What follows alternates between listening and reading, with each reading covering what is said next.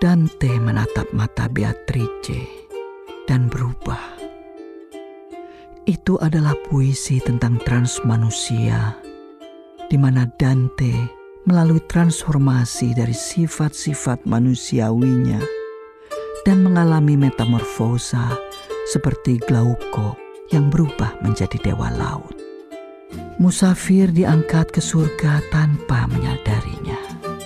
Cahaya bersinar sangat terang dan suara terdengar sangat lantang.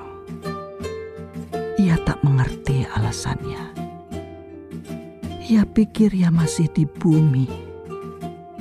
Sampai ketika perempuan yang keibuan menjelaskan apa yang sedang terjadi dan bagaimana keharmonisan semesta di mana semuanya akan berakhir.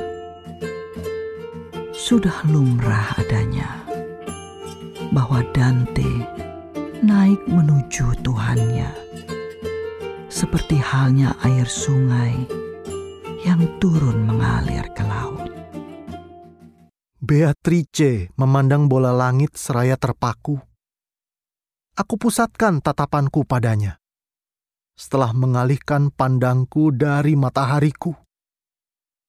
Saat melihatnya, diriku menjelma menjadi Glauko penyuka rerumputan yang diundang ke laut menemani para dewa. Transmanusia sulit diungkapkan kata, tapi dapat diambil contoh pengalaman dari yang diberi rahmat Tuhan setelah kematiannya. Oh, Tuhan penguasa surga. Hanya berkat karuniamu, aku kau ajak terbang. Karena kau tahu benar, rohkulah yang terakhir diciptakan olehmu. Perputaran langit yang abadi, seperti yang diharapkan darimu, dan aku terpesona oleh keharmonisan dan keselarasan ilahi tampak olehku. Cahaya matahari berlimpah tak terbatas, sehingga hujan dan sungai tidak pernah membentuk danau yang begitu luas. Keharmonisan dan kemewahan cahaya menyulutkan keinginanku untuk mengetahui perancangnya. Keinginan kuat yang belum pernah kurasakan sebelumnya.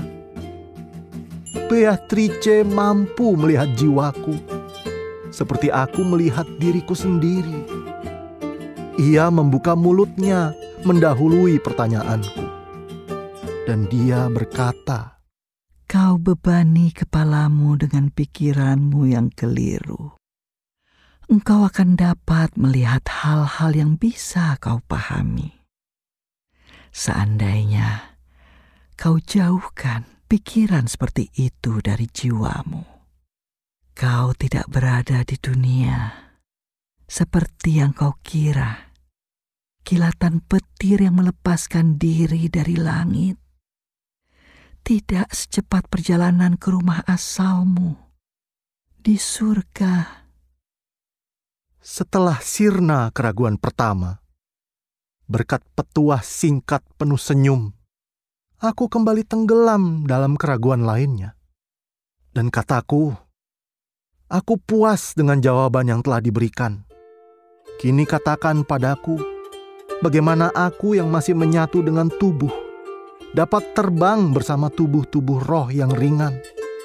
Dengan penuh rasa prihatin, Beatrice menghela nafas, mengarahkan pandangannya dengan sorot sayang dan cemas, seperti yang dirasakan seorang ibu terhadap putranya yang sedang menangis. Lalu berkata, semua benda diciptakan dalam hubungannya yang teratur, dan itulah prinsip yang membuat alam semesta menyerupai Tuhan.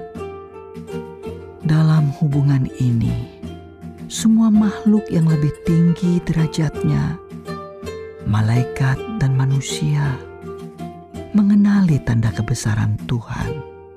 Tuhan, tujuan akhir. Tuhan juga yang menetapkan hubungannya. Semua makhluk berada dalam hubungan yang aku jelaskan sesuai keadaan masing-masing. Mereka berada jauh atau dekat pada prinsipnya Tuhan. Mereka bergerak ke pintu berbeda untuk tujuan berbeda. Melalui lautan, alam semesta, dan setiap makhluk berjalan sesuai dengan nalurinya ke pintu yang membimbing mereka.